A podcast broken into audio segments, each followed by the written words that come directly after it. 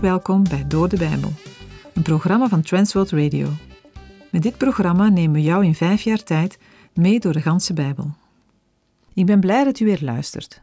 We zijn ook vandaag, in uitzending 564, bezig met een wat moeilijker Bijbelboek, namelijk het levensverhaal van Job. Dat wil zeggen een deel uit zijn leven. De periode waarin Job alles verloor: zijn bezit, zijn gezin en zijn gezondheid. Tot overmaat van ramp doen zijn drie beste vrienden er alles aan om hem te overtuigen dat het zijn eigen schuld is. Steeds weer strooien ze zout in zijn wonden. En in dit alles zwijgt God. Hij laat Job eerst zijn zegje doen. Job is een boek dat mensen door alle tijden heen kan helpen. Niet om het lijden altijd te begrijpen, maar wel om vertrouwen te vinden of hervinden in de Almachtige God. De vorige keer lazen we hoofdstukken 18 en 19. Daarin vinden we een gesprek tussen Bildad en Job. Bildad schetst een beeld van een goddeloos mens en het is al gauw duidelijk dat hij daarmee Job op het oog heeft. In harde bewoordingen zegt Bildad dat er van de goddeloze niets overblijft. Geen enkele herinnering, niets. Niet alles wat Bildad zegt is onwaar. Het probleem zit erin dat hij concludeert dat Job een goddeloos man is. Bildad houdt krachtig vast aan zijn wereldbeeld, waarbij lijden altijd het gevolg is van zonde. Dat automatisme is verkeerd. Het maakt Bildad ook zeer liefdeloos ten opzichte van Job. Hij heeft wel een theologie te bieden, maar de liefde en troost van God komt daar niet in voor. Die kan hij ook niet uitdelen. Job reageert vervolgens op Bildad. Hij wordt moe van zijn vrienden die proberen hem te verpletteren met hun woorden.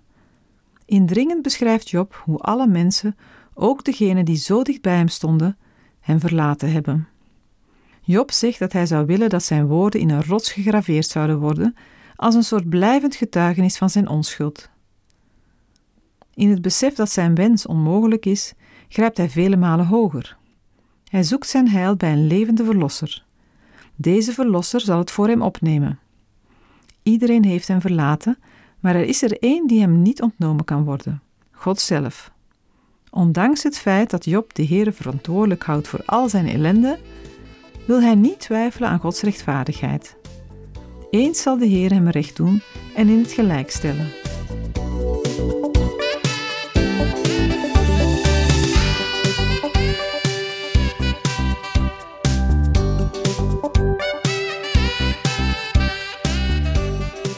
In Job 20 lezen we de tweede reactie van Zofar. We zijn in de tweede ronde van het debat en Zofar is de derde man in deze ronde. Er zal nog een derde ronde komen die maar kort zal zijn. Zofar zal zelfs in de derde ronde niet meedoen. Het zal eenvoudig eindigen in een gelijkspel, voordat Zofar nog een kans krijgt om te spreken. Denk eraan dat Zofar de wetticist is. Hij gelooft dat God werkt naar wet en orde.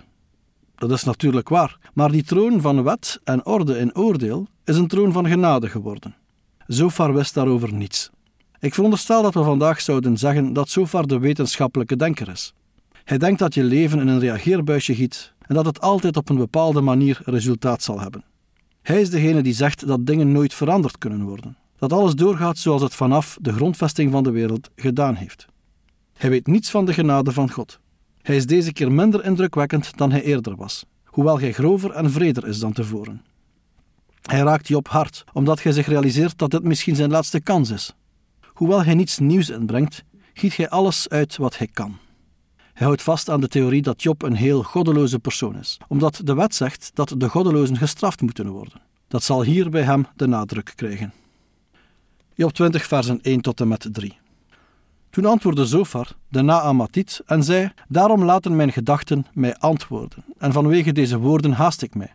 Ik heb een bestraffing gehoord die mij schande aandoet, maar de geest zal op grond van mijn inzicht voor mij antwoorden. In zijn tweede reactie heeft Zofar niet veel toe te voegen aan de eerdere reacties van Elifas en Bildad. Opnieuw blijkt hij vast te houden aan zijn eigen wereldbeeld, aan de logische orde die stelt dat een schuldige straf verdient en ook krijgt. Zofar heeft Job maar met moeite uit kunnen laten praten. Hij is beledigd door wat Job heeft gezegd en popelt dan ook om te kunnen reageren. Als wat Job beweert waar is, klopt er niets meer van Zofars wereldbeeld. Alles waarvoor Zofar staat, lijkt dan in te storten. Job 20, versen 4 en 5. Weet je dit? Dat altijd al, vanaf het moment dat God de mens op de aarde geplaatst heeft, het gejuich van de goddelozen van korte duur geweest is en de blijdschap van de huichelaar maar voor een ogenblik? Zofar reageert met ironie door te vragen of Job het verleden wel kent. Niet alleen Zofar, maar ook Elifas en Bildad baseren hun wijsheid op het verleden. Als Job geen kennis heeft van wat altijd al is geweest, hoe kan hij dan zo positief spreken als hij in het slot van Job 19 heeft gedaan? Met deze woorden veegt Zofar Jobs geloofsbeleidenis van tafel. Waarschijnlijk doelt Zofar nu ook specifiek op Jobs vreugde over zijn verlosser. Job 20, versen 6 tot en met 11. Ook al klimt zijn hoogmoed op tot de hemel en raakt zijn hoofd tot aan de wolken. Hij zal, evenals zijn uitwerpselen, voor altijd vergaan. Wie hem gezien hebben, zullen zeggen: Waar is hij? Hij zal wegvluchten als een droom, zodat men hem niet meer kan vinden. En hij zal verjaagd worden als een visioen in de nacht. Het oog dat hem waarnam, doet dat niet meer, en zijn woonplaats ziet hem niet meer. Zijn kinderen proberen bij de armen in de gunst te komen, en zijn handen moeten zijn vermogen teruggeven. Zijn beenderen zijn nog vol van zijn jeugdige kracht, maar ze zullen met hem in het stof neerliggen. Wat Zofar zegt, is dat een goddeloze zoveel kan bereiken in zijn leven, dat hij als het ware tot in de hemel op lijkt te klimmen en als God lijkt te zijn. Maar een dergelijk succes zal niet standhouden. Het zal instorten en daardoor de goddeloze meenemen in zijn val. De gedachte aan de enorme roem die hij had, is snel vervaagd. Het is te vergelijken met een droom die bij het wakker worden al vergeten is. Hij stond in aanzien bij het volk en in zijn woonplaats. Maar nu zijn succes is vergaan, zal niemand hem missen.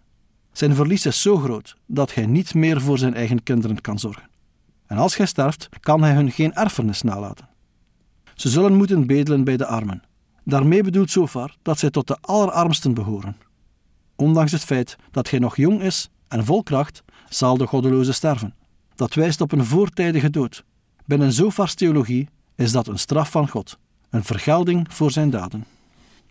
Job 20, versen 12 tot en met 14.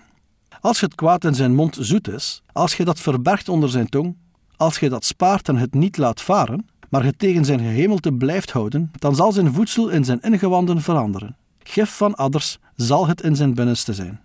In deze versen wordt het kwaad vergeleken met voedsel. Voor de goddeloze is het kwaad een soort delicatesse. Hij geniet ervan zolang het kan, om het dan uiteindelijk door te slikken. Maar dan komt hij bedrogen uit. Zodra hij de lekkernij heeft doorgeslikt, verandert het plotseling in het gif van een slang. Zonder tegengif zal het onherroepelijk zijn dood betekenen. Zo zal hetgeen hij verworven heeft, ten koste van anderen, hem geen blijvende rijkdom geven. Job 20, versen 15 en 16. Hij heeft vermogen verslonden, maar zal het uitspuwen. God zal het uit zijn buik verdrijven. Hij zal vergif van adders zuigen. De tong van de slang zal hem doden. Zofar geeft God in de vergelding een actieve rol. De Heere maakt dat de goddeloze zijn rijkdom zal verliezen. Hij grijpt in om het onrecht te verhelden. Job 20, versen 17 en 18. Hij zal de stromen, rivieren, beken van honing en boter niet zien. Hij zal de opbrengst teruggeven en niet verslinden. Hij zal niet genieten van de rijkdom van zijn handel. Zofar blijft in zijn beeldspraak bij voedsel. Het beste voedsel van het land zal de goddeloze nooit meer in overvloed kunnen zien, ondanks de rijkdom en de mogelijkheden die hij heeft verworven. Sterker nog, wat hij heeft vergaard, moet hij weer afstaan. Zijn kapitaal blijkt de goddeloze te vergiftigen en niet te bevredigen. Job 20, versen 19 en 20. Omdat gij de armen onderdrukt en verlaten heeft, een huis geroofd heeft dat gij niet gebouwd had, omdat gij geen rust in zijn binnenste gekend heeft, zal hij van wat hij begeerde niets kunnen redden. Zonder beeldspraak wordt nu glashelder wat de oorzaak voor de ondergang van de goddeloze is. De goddeloze heeft de armen onderdrukt, aan zijn lot overgelaten en zijn huis geroofd. Zo is hij aan zijn rijkdom gekomen. Maar omdat hij zulke vrede methoden heeft toegepast, zal hij het huis niet voor eigen gebruik kunnen inrichten, want er komt een einde aan zijn welvaart. Job 20, versen 21 tot en met 25. Er blijft niets over van wat hij kan eten. Daarom verwacht hij niets meer van zijn welvaart. In de volheid van zijn overvloed krijgt hij het benauwd. De hand van iedere ellendige komt over hem. Laat er wat zijn om zijn buik te vullen. God zal zijn brandende toren op hem zenden en die over hem laten regenen op zijn voedsel. Is hij gevlucht voor de ijzeren wapens, dan zal de bronzen boog hem doorboren. Men trekt de pijl en hij komt uit zijn rug. Hij komt glinsterend uit zijn gal. Verschrikkingen komen over hem. Zover beschrijft het onvermijdelijke einde van de goddeloze, de dood. Job 20, versen 26 tot en met 29. Alle duisternis wacht heimelijk op zijn verborgen goederen. Een vuur dat niet is aangeblazen, verteert hem. Wie is overgebleven in zijn tent, vergaat het slecht. De hemel zal zijn ongerechtigheid openbaren en de aarde staat tegen hem op. De inkomsten van zijn huis verdwijnen. Ze vloeien weg op de dag van zijn toren. Dit is het wat de goddeloze mens van Gods wegen ten deel valt, en het erfelijk bezit van zijn woorden van Gods wegen. Zofar lijkt hier een rechtstreekse aanval te doen op Jobs vertrouwen op de hemelse getuige en de levende verlosser. Hij wil Job zeggen dat hij van de hemel geen hulp moet verwachten. Ironisch wordt het oordeel van God de erfenis van de goddeloze genoemd. Het is de vraag wat Zofar met zijn uitgebreide opsomming heeft willen bereiken. Job zal er niet van geschrokken zijn, want zijn ellende is groter dan die van de gruwelen die Zofar onder woorden heeft gebracht. Job 21, versen 1 tot en met 3. Maar Job antwoordde en zei: Luister aandachtig naar mijn woorden en laat dat jullie vertroostingen zijn. Verdraag mij, nu zal ik spreken en nadat ik gesproken heb, kunnen jullie spotten. Job zal nu zijn vrienden vertellen wat volgens hem het lot van de goddeloze is. Job 21, vers 4. Wat mij betreft is mijn klacht tot een mens gericht, maar al zou het zo zijn, waarom zou mijn geest niet verdrietig zijn? Jobs klacht is tegen God gericht. Maar mensen hebben hem geantwoord, de Heere niet. Job 21, versen 5 tot en met 13. Wend je tot mij en wees ontzet, en leg de hand op de mond. Ja, als ik hieraan denk, word ik door schrik overmand, en huiver grijpt mijn vlees aan. Waarom leven de goddelozen? Worden zij oud, en wordt zelfs hun vermogen groot? Hun nageslacht is blijvend bij hen, en met hen, en hun nakomelingen zijn voor hun ogen. Hun huizen hebben vrede en zijn zonder angst, en de roede van God is niet op hen. Zijn stier bespringt en mist niet. Zijn koe kalft en heeft geen misdracht. Zij laten hun jonge kinderen gaan als een kudde, en hun kinderen huppelen. Zij verheffen hun stem met de tamboerijn en de harp, en zij verblijden zich op het geluid van de fluit. Zij slijten hun dagen in het goede, en in een ogenblik dalen zij af in het graf. Job valt het wereldbeeld van zijn vrienden aan. Het is nu eenmaal niet zo dat de rechtvaardige altijd wordt beloond, of dat de goddeloze altijd krijgt wat hij verdient en dat onrecht altijd wordt bestraft. Job weet dat een goddeloze gelukkig kan leven. Net zoals anderen dalen goddelozen in het graf, maar zonder dat hen tevoren een ramp treft. Een constatering die we ook bij koning David tegenkomen, in Psalm 37. Maar we lezen in Psalm 37 ook dat David opmerkte dat de zondaars allemaal worden vernietigd en er ook voor hun kinderen geen toekomst is.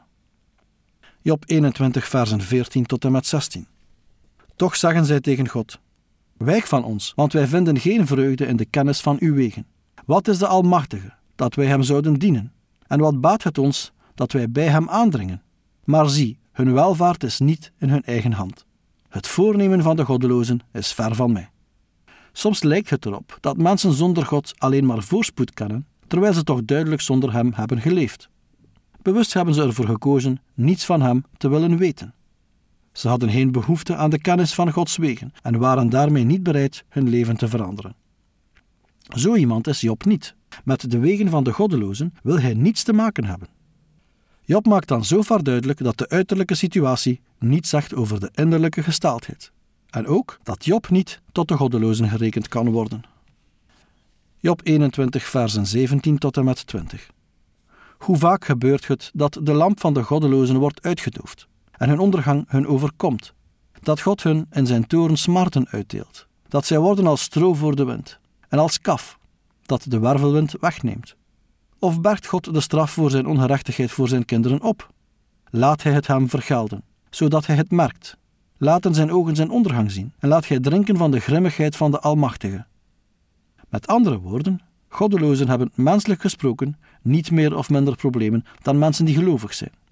Job spreekt zich stellig uit tegen de goddeloze. De ondergang mag hem niet bespaard blijven. Hij moet die met zijn eigen ogen zien. Daardoor zal hij ervaren dat zijn manier van leven de toorn van de Almachtige God opwekt. Want de goddeloze zal er namelijk niets van merken als zijn gezin na zijn dood gelukkig is of wordt gestraft.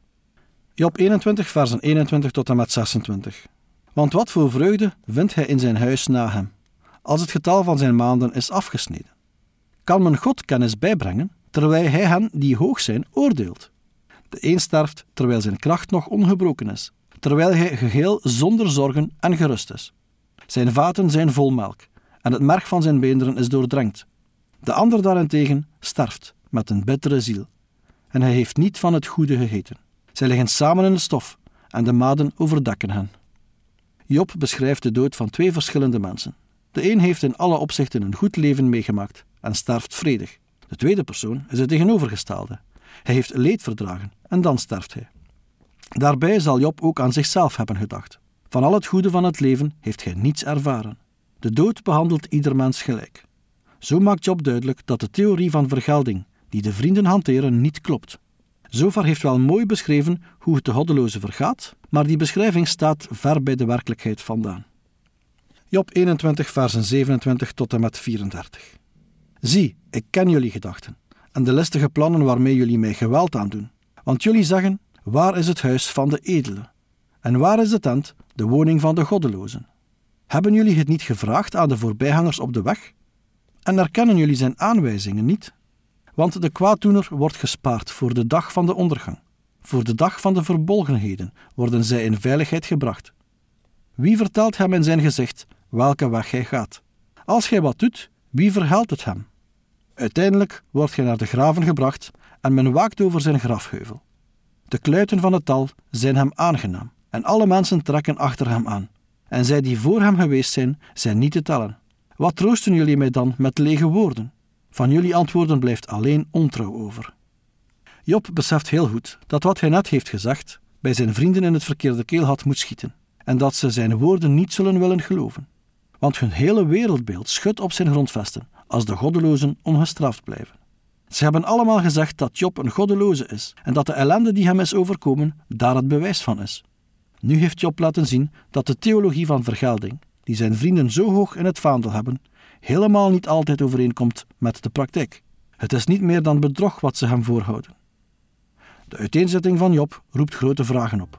Want als de dienst aan God niet automatisch de zegen van God in de vorm van voorspoed en succes tot gevolg heeft, en als de levensstijl van de goddelozen niet wordt vergolden, wat is dan de drijfveer van ons handelen?